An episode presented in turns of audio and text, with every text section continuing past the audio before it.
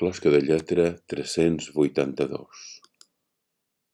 Sempre hi ha qualcú en alguna cosa.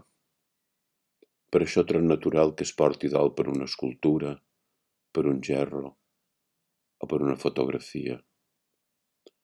No estan mai preparats per la solitud.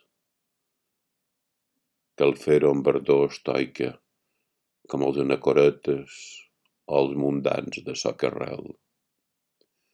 Avui, a la lassitud que em dóna aquesta calitja pintada en totes les arenes del desert africà, encén un kamikaze de la sensació. Hi ha un clima profanador en l'aire tèrbol i putrefacte d'aquest temps, en què les societats més civilitzades semblen amarades de passions destructives. No em vull resignar a viure, encara que sigui provisionalment, en una part de mi mateix. Per què en digueres? Vostè no ha sabut mai el que volia. Aquesta indecisió resta la pàtria dels humans més interessants. Endavant. El destí d'un individu està determinat pels episodis traumàtics de la seva infantesa? O és aquest individu que quan arriba el dia sacralitza en el seu passat els esdeveniments dels quals té necessitat per explicar allò que ha esdevingut. Tot torna a dir.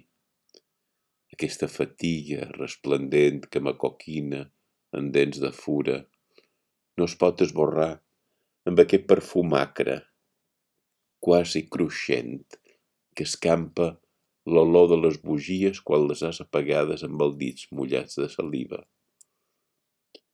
Entremig d'aquesta fosca del finestral tancàs damunt les invasions del Sàhara, per aquestes escletxes de les finestres, per on entra un crull d'una llum espectral, m'apareix un pensament clar, massa clar. De vegades només s'anam dels nostres sofriments quan escollim desitjar-los. Coneixes aquesta casta d'estació en què surts més sol que has entrat? Perquè encara pens que la literatura pot recosir el que la vida has queixat. El sabor de les coses es dedueix de la seva precarietat. Ho sabies? Vas a Nova York a una sala fosca del Metropolitan Museum que vaig descobrir un quadre petit de Jacob de Geyen. Diuen que és la primera vanitas de la història de la pintura. L'artista que la va fer no sap quasi res, només que va viure a Amsterdam a principis del segle XVII. Sobre la tela hi ha un crani, un rellotge d'arena, una bugia, unes flors, unes peces d'or. Aquesta casta de quadre ha d'inspirar l'esglai i la pietat de l'humà que oblida la seva finitud. Li ha de recordar que la vida és comptada, que els nostres guts són efímers, que la cendra serà la nostra darrera pell. Però si mirem amb atenció per damunt del crani, hi ha una volta estranya en la superfície de la qual, com en un mirall, es reflecteix el decorat d'una cambra que té al fons una finestra que s'obri cap a un paisatge lluminós.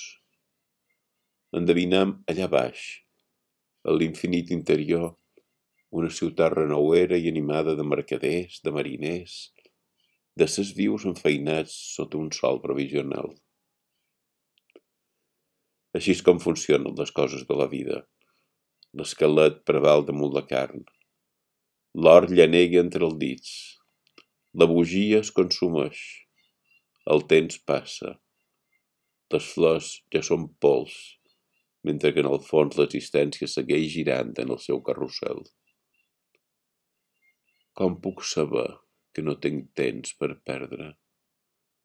Encén aquesta hora baixa tan desèrtic de final de juliol, sense la, com un treballador del desenfocament em sent viu, rebel, mòbil, però necessito infiltrar-me placidesa per seguir escrivint. Em sent acompanyat del perfum fugitiu d'aquells instants en què aquesta fragància de saber-me viu m'omplia els pulmons de festes de futur. Encent, cal cridar-ho quan tanta de falsedat, d'estultícia, de mediocritat i de cartó pedra ens ataquen. Fràgil i efímer. Els poemes i els escrits desapareixen. I també els que els fan i els que els llegeixen. Som un seguidor de la religió de la lleugeresa.